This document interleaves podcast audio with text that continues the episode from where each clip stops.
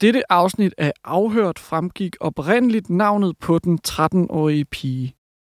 Efter aftale med familiens advokat har vi nu fjernet navnet. Det satte gang i de værste anelser, da 13-årige forsvandt sporløst, efter hun havde afsluttet sin avisrute i Kirkerup på Sydsjælland lørdag formiddag. Tilbage lå kun hendes taske, telefon og cykel, der var smidt i vejkanten. God eftermiddag alle sammen. Men efter knap halvandet døgn, så kunne politiinspektør Kim Kliver fra Sydsjællands og Lolland Falsters politi med dirrende stemme fortælle, at de havde fundet pigen i live og anholdt en 32-årig mand. For ganske få minutter siden har vi kunnet meddele, at vi har fundet hende i live. Den anholdte har nu været i grundlovsfører og er varetægtsfængslet frem til 11. maj. Velkommen til Afhørt. Jeg hedder Linette Krøyer Jespersen. Og med til at fortælle om den rystende sag, har jeg Thorsten Rus, Amalie Eriksen og Cecilia Erland. Vi får nogle tips på kriminalreaktionen. Fra forskellige kilder i miljøet. Og det er jo faktisk Virkelig grove forbrydelser, også altså voldsforbrydelser. Hvad ser vidnerne i sagen? Hvem står bag? Hvad er motivet? Ja. konflikt imellem Forskellige grupperinger. Drab. Vold. Hævn.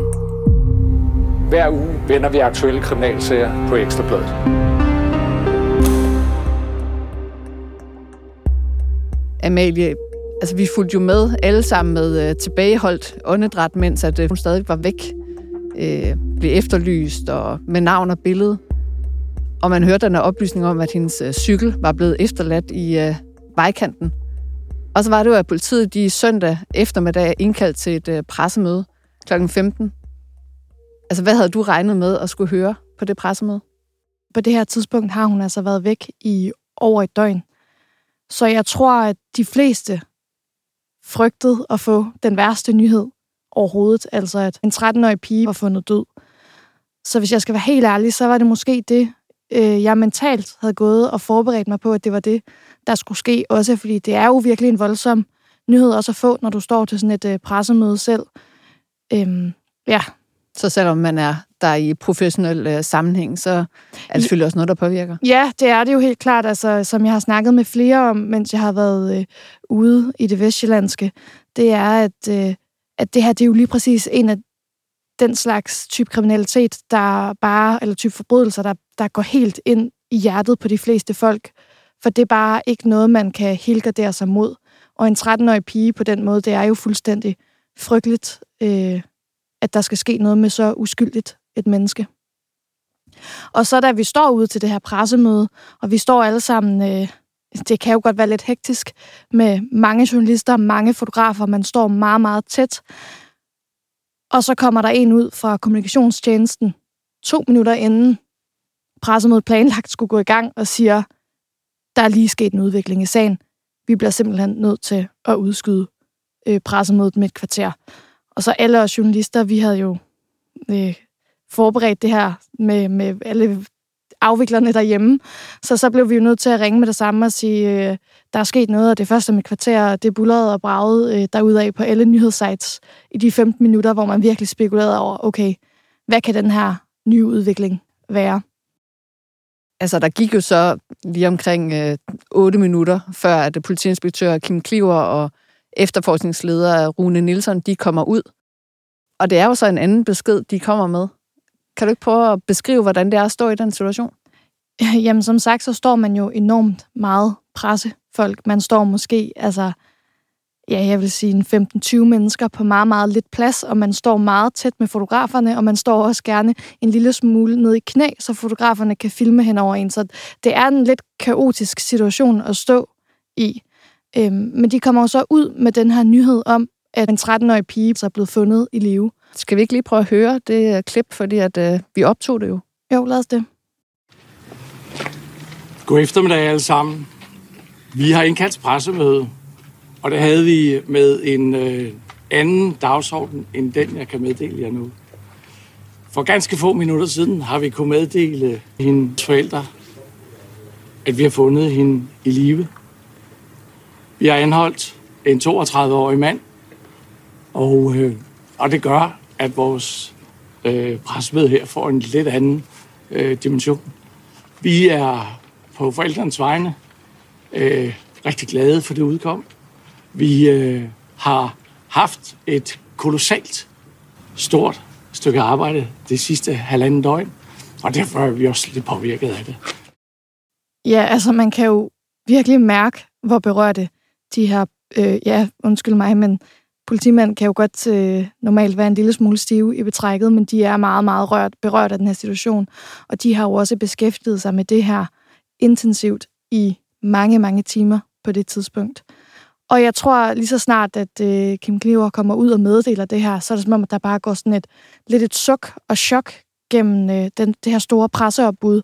Det var nærmest som om, at der ikke rigtig var helt nogen af os, der sådan egentlig vidste, hvordan vi skulle reagere på det, udover at vi jo selvfølgelig var, var lettet og, og glade over, at hun var i live. Det var i hvert fald klart også den uh, følelse, jeg selv havde, da jeg fulgte det uh, pressemøde. Man kunne i hvert fald ikke undgå at blive, uh, blive berørt af situationen, synes jeg.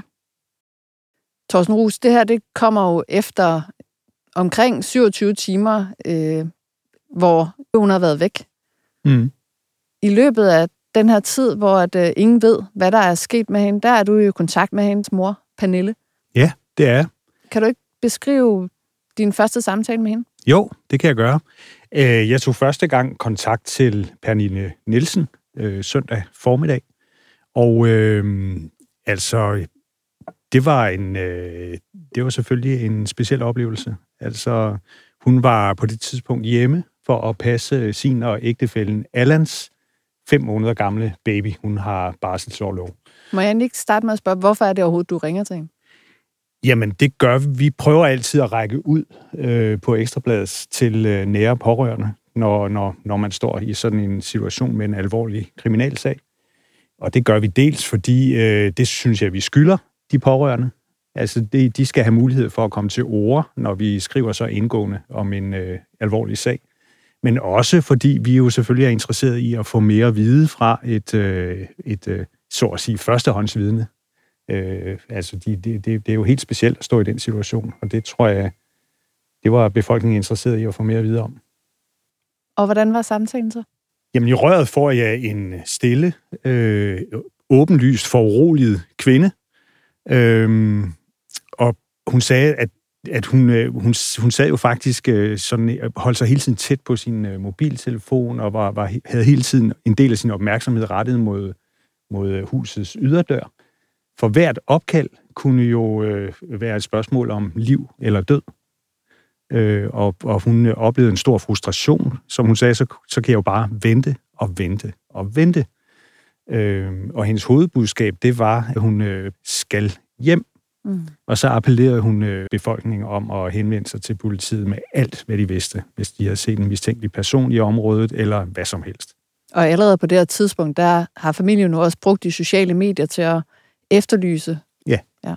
De har i fællesskab opfordret folk til at dele øh, alle opslag, som, øh, som handlede om sagen, og politiets opfordring til at henvende sig, det, øh, det, var, det var også i deres stærke interesse.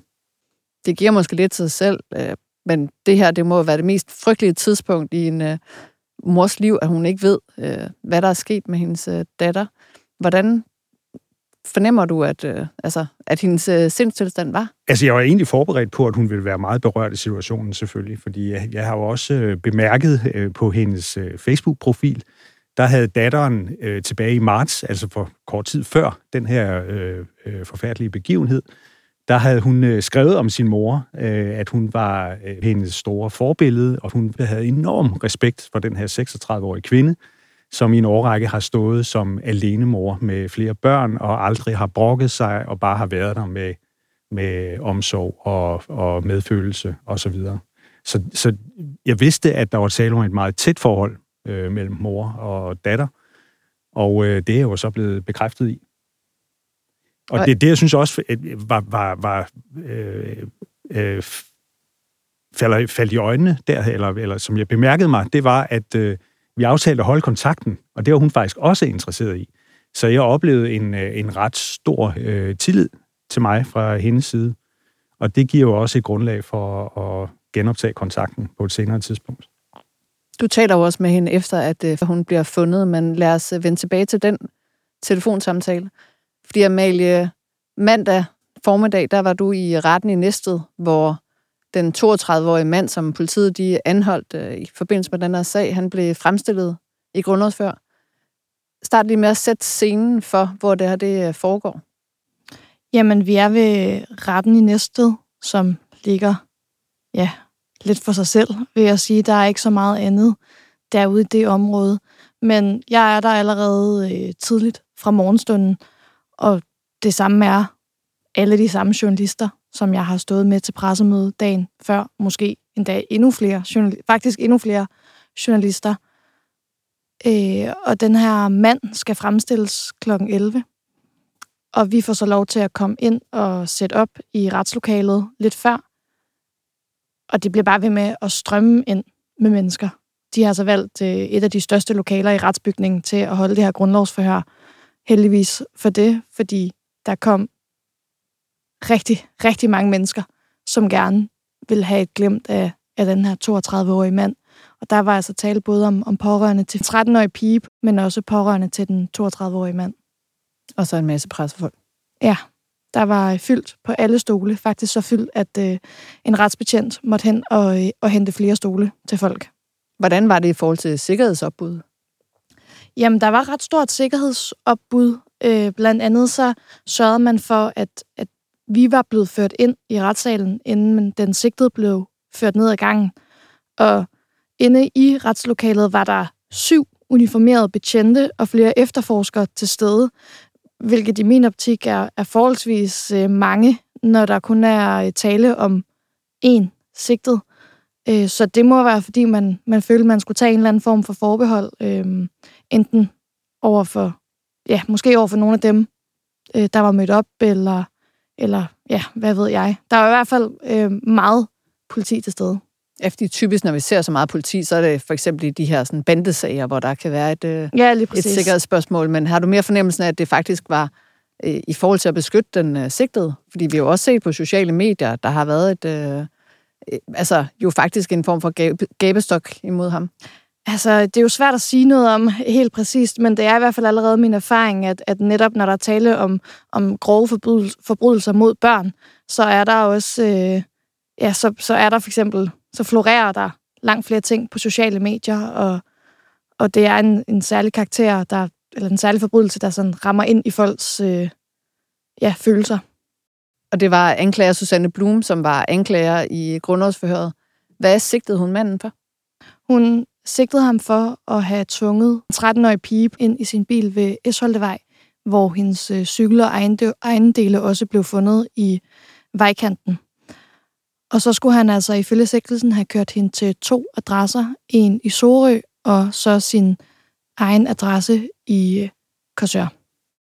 Og der er altså tale om omkring 27 timer. Altså ifølge sigtelsen, så blev hun øh, tvunget ind i bilen omkring klokken 11.43 lørdag formiddag, og det var så først øh, klokken 14.48, at, øh, at den 32-årige han blev anholdt, og hun jo dermed øh, blev befriet. Men der var også øvrige sigtelser. Ja, det var så forhold 1. Øh, forhold 2, det lød på, at han på de her forskellige adresser skulle have begået voldtægt, øh, både fuldbyrdet og det, som i straffeloven øh, bliver kaldt for voldtægt ved andet seksuelt forhold end samleje mod den her 13-årige pige. Øh, gennem sin forsvar, der erkendte han sig delvist skyldig i de her sigtelser, men hvad det nærmere indebærer, det er noget, vi ikke har fået svar på i den åbne del af retsmødet. Dommeren valgte nemlig at lukke dørene, fordi den her sag var på et meget indledende stadie. Øhm, så derfor, hvad, hvad manden han præcis har erkendt, og hvad han ikke har kendt, det er endnu uvist for offentligheden, også fordi mandens forsvar ikke ønskede at kommentere sagen overhovedet efter øh, grundlovsforhøret. Men det, der står klart, det er altså, at øh, han ifølge sigtelsen har tvunget hende ind i sin bil, og så har kørt hende først øh, ja, lige omkring 28 km hen til den ene adresse i øh, Sorø, og derefter har kørt hende omkring øh, 30 km til sin bopæl, øh, der ligger i et villa-kvarter omkring øh, Korsør. Ja, og det var jo meget mærkeligt at få ja, ansigt på den her 32-årige mand. Han, øh, hvis jeg skal prøve at beskrive ham lidt, så var han øh, iført et øh, gråt øh, joggingsæt. Så havde han øh, sådan nogle helt skrig-orange øh, Adidas sneaks på. Og så havde han mellemblondt hår, der var øh, lidt, altså, lidt kort i siderne, og så lidt længere på toppen. Men hvis jeg sådan skal prøve at beskrive hans ansigtsudtryk, så så han utrolig generisk ud. Øh, det var i hvert fald min opfattelse. Han så sådan meget almindelig ud, havde lidt skægstube, men der var ikke noget, jeg sådan synderligt øh, bed mærke i ved ham. Hvis jeg havde mødt ham på gaden, var han nok ikke en, jeg sådan havde lagt mærke til, må jeg indrømme. Der var ikke noget påfaldende ved ham? Nej, han, øh, han så meget normal ud, har jeg lyst til at sige, men ja, generisk. Ikke sådan øh, nogen særlig markerede træk eller, eller noget. Kunne man mærke, at han sådan var tynget af situationens alvor? Han var øh, meget nedtrykt, da han blev fremstillet grundlovsfører. Han, øh, på et tidspunkt, der kigger jeg på ham, og der sidder han bare og stiger sådan ret frem for sig. Og det må også have været lidt overvældende, at vi var så mange til stede i retslokalet. Så det var som om, han kiggede lige en enkelt gang ned på den her fyldte tilhør, tilhørrække, og så øh, satte han sig ellers øh, i vidne øh, i, i midten og kiggede frem, og da han skulle bekræfte sin identitet over for dommeren, måtte øh, dommeren også bede ham om at snakke højere og tydeligere, øh, da han skulle sige sit navn, fordi han kunne simpelthen ikke øh, høre det. Så han gjorde ikke sådan stort væsen ud af sig, udover at han virkede meget nedtrykt. Og der blev så dørlukning, og den 32-årige han blev også beskyttet af et øh, navneforbud, så vi ikke kan fortælle detaljer, der kan identificere ham. Men vi kan jo alligevel godt øh, beskrive ham lidt øh, rundt om. Det er jo stadig meget tidligt i sagen, Torsten, men vi har mm. kigget lidt på den 32-årige. Ja. Hvor meget kan vi sige om ham på nuværende tidspunkt? Jamen, øh, jeg, jeg kan sådan set tilslutte mig øh, Amalies beskrivelse, også når vi kigger på hans karriere, øh, og når, når man sådan scroller igennem øh, de sociale medier, hvor han har været aktiv. Øh, han, han er HF-studerende oprindeligt for mange år siden, øh, og så, øh, så har han siden haft adskillige jobs som erhvervsmand. Øh, han, har, han har været sådan økonomiadministrator i en virksomhed, han har været medejer af en virksomhed, som er gået ned, øh, han, har, han har beskæftiget sig med, med IT-handel, og, øh, og har også haft et job inden for marketing. Øh, men ikke noget, der sådan skiller sig ud. Jeg har talt med en tidligere kollega, og han har øh, han beskrev ham som sød og rar, øh, men, men ikke, ikke altså en pæn mand, som ikke sådan skilte sig særligt ud, men var dygtig til sit arbejde. En, en, en normal øh, dansker, kan man sige. Hans forsvar kom jo også lidt ind på øh, hans øh, jobmæssige situation i retten, da han skulle argumentere for navneforbud? Ja, det gjorde han for en af de argumenter, han blandt andet kom med, da han skulle argumentere for, at øh, klienten skulle have navneforbud. Det var blandt andet, at, at manden her han altså et, havde et godt job, og så frem hans identitet bliver offentliggjort på, på nuværende stadie i, i den her sag, så kunne han altså blive udsat for en øh, unødvendig krænkelse. Vi har jo også talt med nogle naboer, som bor øh, ja, jo i, øh, i, tæt på den her mand. Hvad siger de? Ja, øh, jeg var jo ude ved øh, det, øh, det, som vi jo nok godt kan kalde gerningsstedet. Nu har han jo øh, delvist erkendt, øh, og det var altså i, i den her villa på en villavej øh, nær Kors, eller lige i omegnen af Korsør, at både den øh, 13-årige pige, hun blev fundet, og at den 32-årige, han blev anholdt. Og altså, det, det er ligesom en, en villavej, hvor man kan sige, at det, det kan næsten ikke blive mere øh, provinsidyllisk. Øh, det er meget, meget tæt på vandet, og husene er meget tæt på hinanden, men i og for sig øh, ret store og pæne, øh, som de ligger der på række, og der er øh, luft, og der er grønt, og, øh, og det er sådan et sted, hvor at der, der er børn, der leger på gaden. Ikke? Og her har den 32-årige jo så boet alene i et, øh, i et hus, som han efter sine er flyttet ind i for omkring halvandet år siden. Og øh, jeg har talt med flere på vejen, altså både øh, en genbo, øh, som, som jeg talte med først, og hun var ikke selv hjemme, da han blev anholdt, og så ikke politiopbud, da de kom til stedet. Hun så det selvfølgelig øh, senere, da hun endelig kom hjem.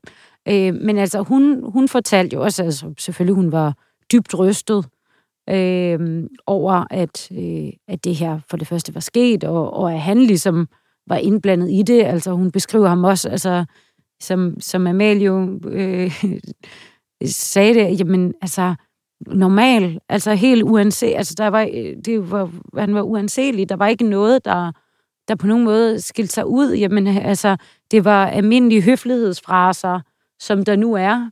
Men ikke en, som hun havde et øh, meget tæt naboskab med? Nej, altså det er mit indtryk, at det var der ikke rigtig nogen, der havde.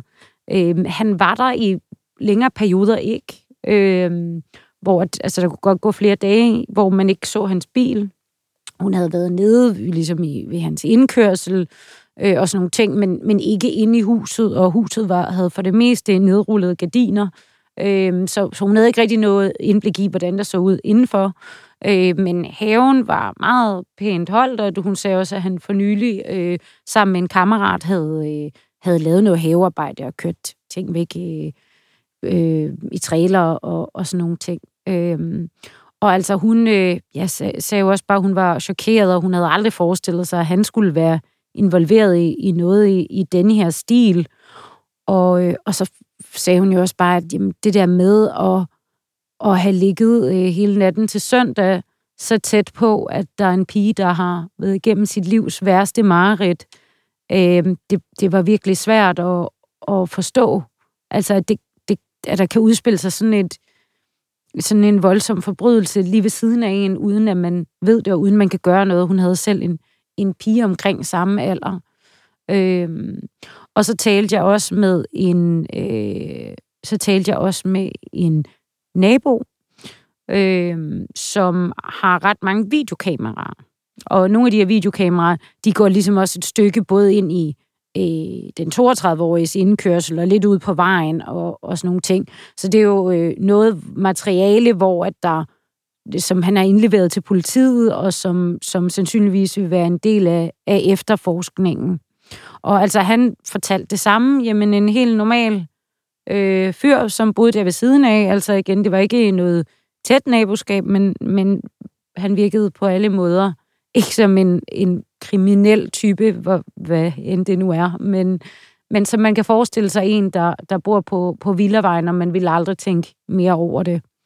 Øhm, og, og igen forklarede han jo også, at han var rystet, og imens jeg stod og talte med ham, øh, eller kort tid efter, så kom der en ældre kvinde ud på vejen, som fortalte, altså, som råbte lidt både til, til mig og til politibetjentene, sådan at, at hun var rystet, og det var så utrygt, og hun havde boet der i 58 år. Der havde aldrig været noget, ikke? Øhm, og, og altså, det, det har helt sikkert været, øh, været voldsomt. Øh, politiet, der er kommet til det her sted, og så har arbejdet der løbende igennem søndagen, og så igen her fra, fra øh, mandag formiddag, og, og de var der stadig, da jeg tog afsted mandag eftermiddag, hvor de, de gennemgik øh, huset.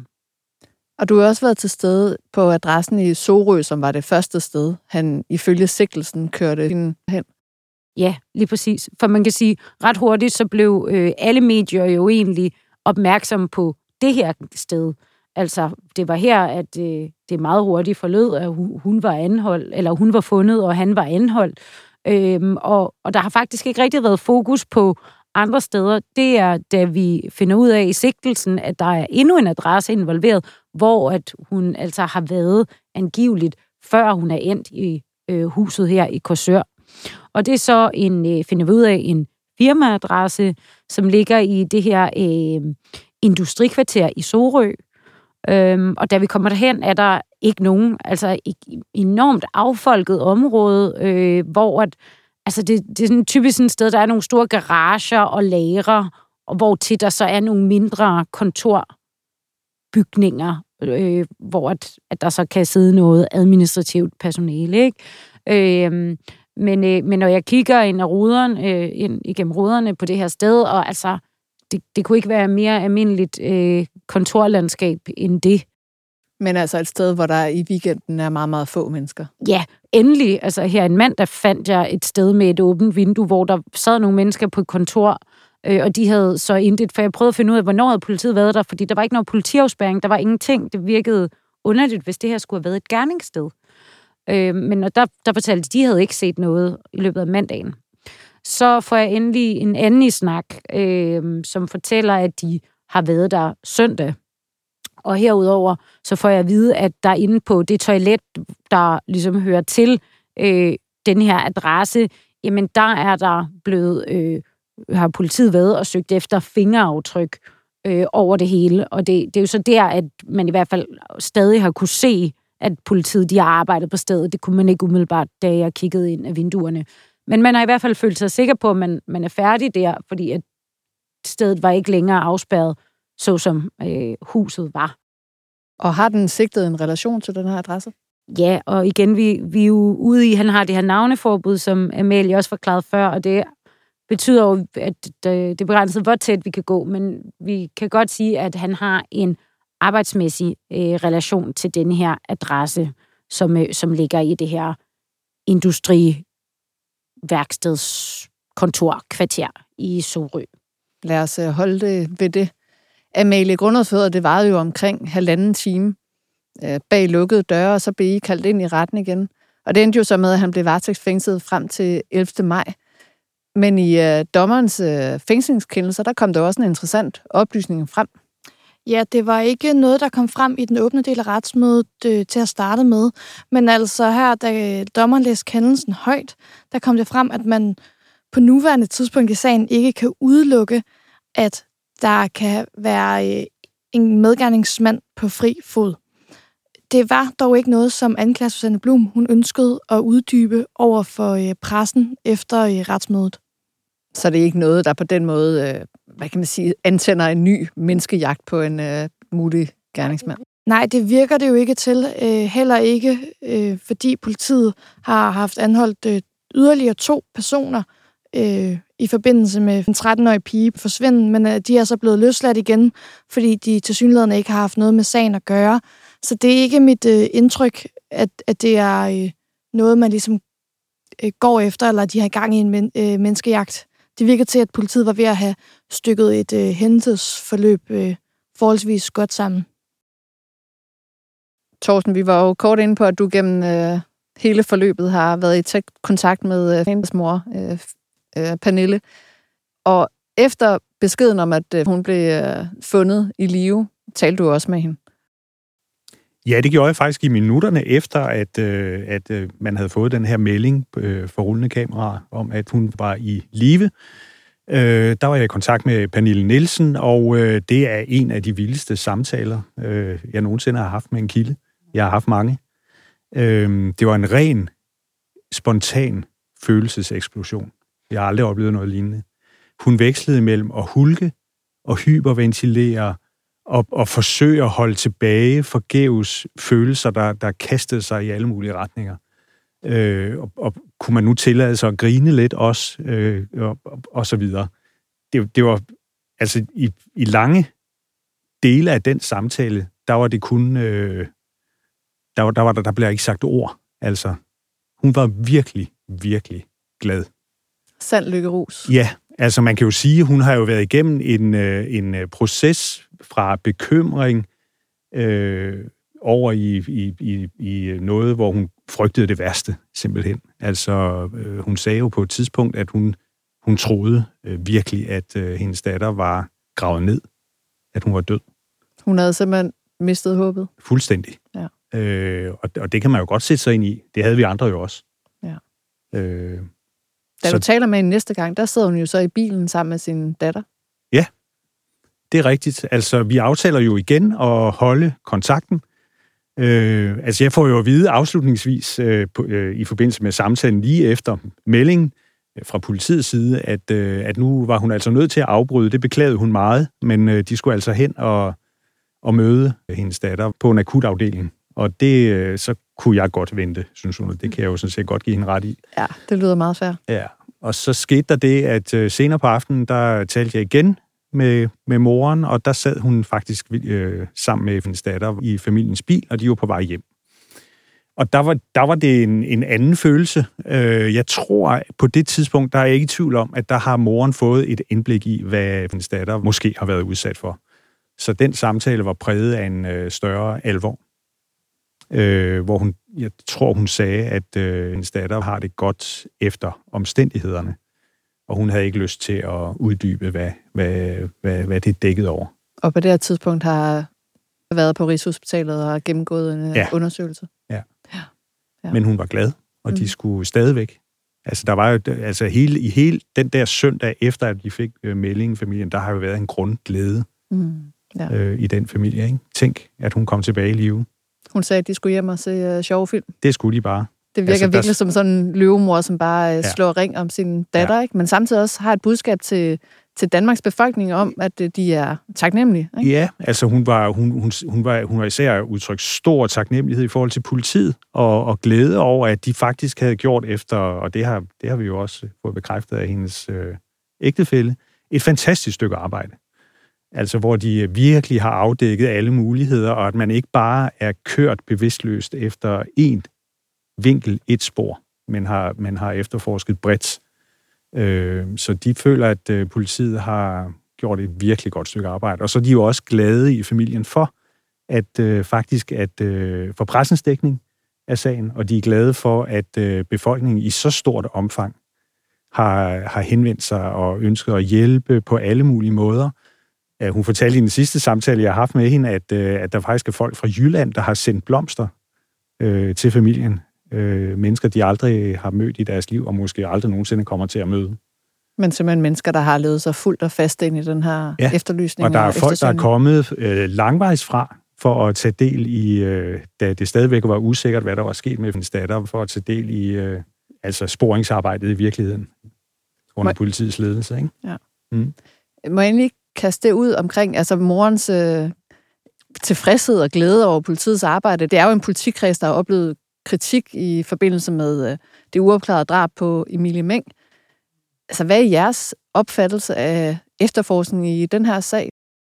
Altså jeg vil sige, Kim Klivers optræden øh, ved det pressemøde, som jo efterhånden er heostratisk berømt, taler for sig selv. Det var en kæmpe lettelse for øh, Sydsjællands og Lolland Falsters politi. At man ikke kommer til at stå med en ny... Nu ved vi jo ikke, hvordan retssagen ender og hvad der sker, men man har dog været i stand til at foretage en konkret anholdelse, og der er en sigtelse i sagen. Det er en kæmpe sejr. Ja, og lige præcis, og nu kommer du selv ind på Emilie Meng. Øh, jeg har jo også talt med mange mennesker rundt i Korsør, altså både naboerne også, og også andre. Altså, Emilie Meng er åbenlyst et åbent sorg for alle i det område, at, det, at den sag aldrig er blevet opklaret indtil videre. Øhm, og, og alle, alle, altså Emilie Meng er på alles læber, når det er, man taler om den her sag, om, om frygten for, at det her skulle være endnu en Emilie Meng-sag.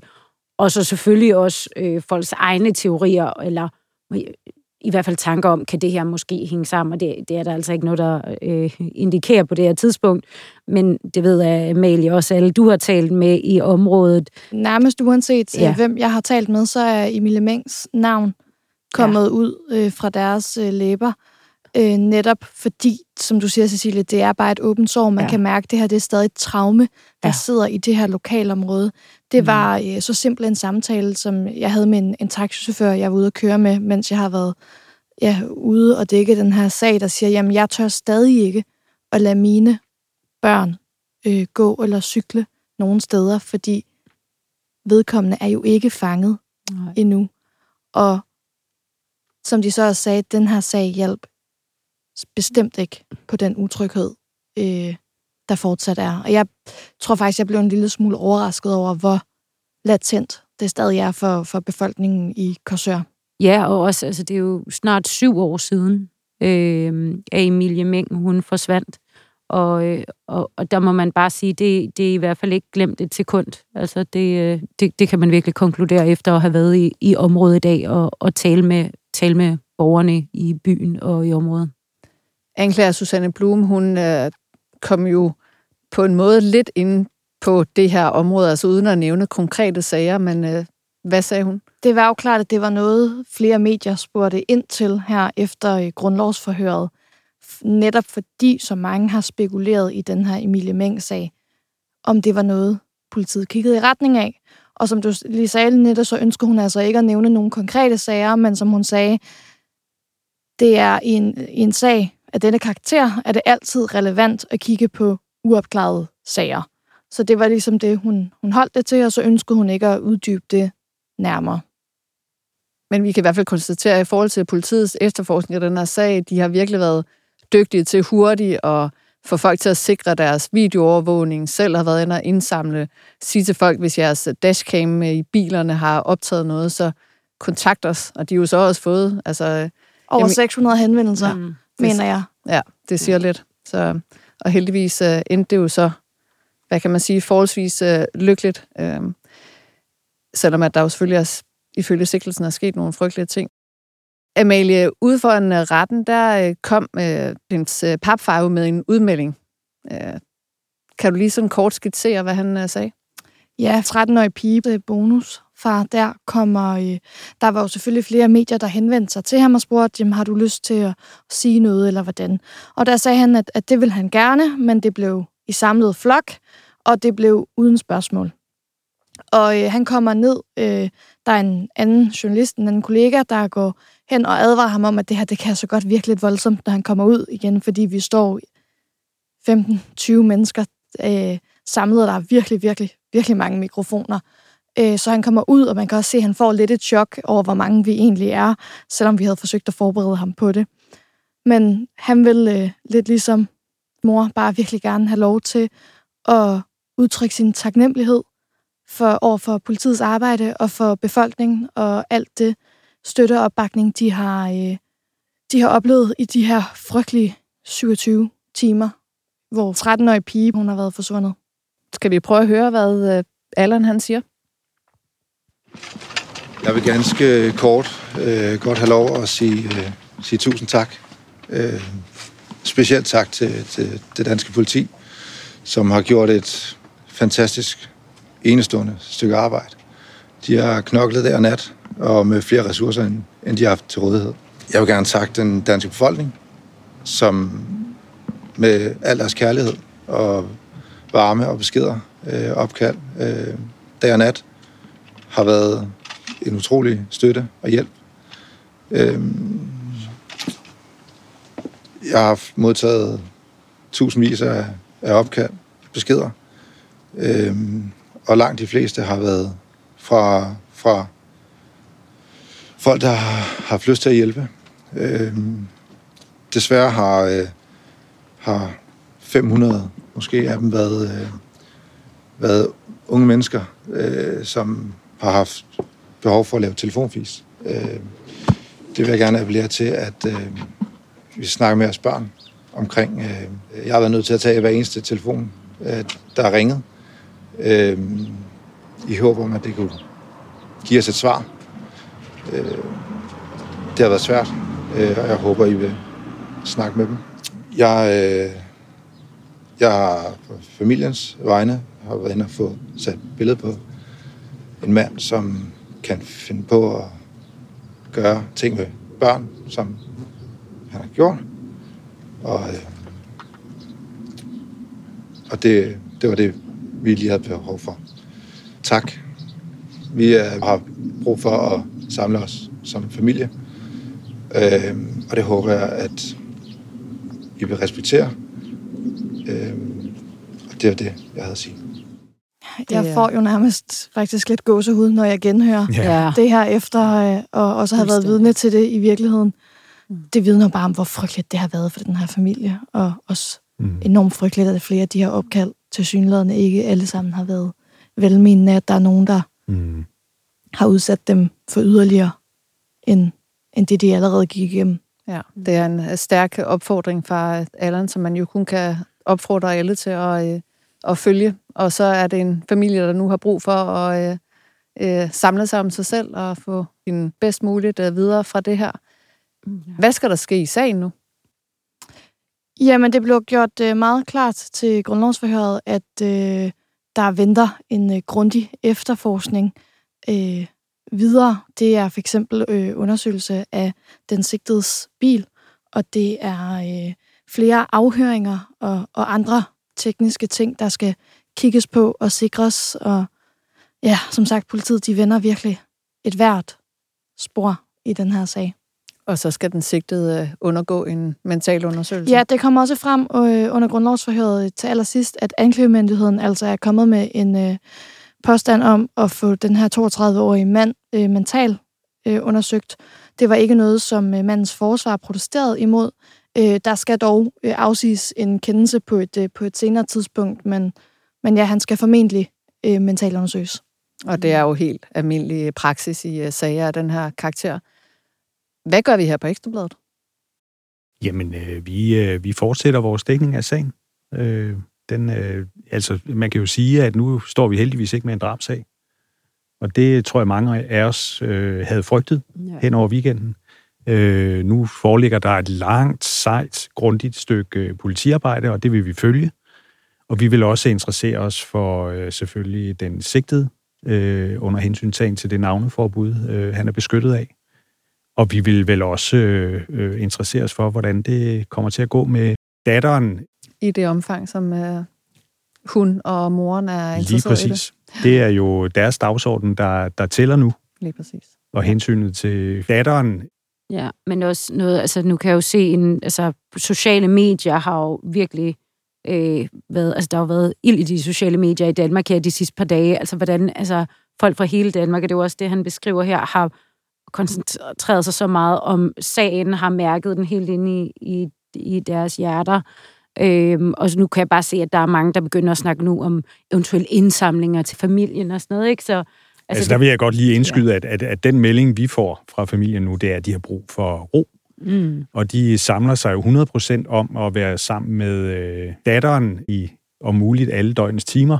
Mm. Moren gav den melding til mig øh, øh, tidligere i dag, øh, at, øh, at hun er okay, men hun er hårdt medtaget. Mm. Og hun, øh, hun har simpelthen brug for at få den oplevelse, at hun kan være tryg. Både derhjemme og ude. Der er ingen tvivl om, at hun har været udsat for noget, der vil sætte øh, dybe spor i hende. Men heldigvis lykkeligt, at hun blev fundet i live. Det må man sige. Tak fordi, at I tog os igennem den her spektakulære sag. Velbekomme. Og tak fordi I lyttede med, og tak til Søren Gregersen, som uh, producerer programmet.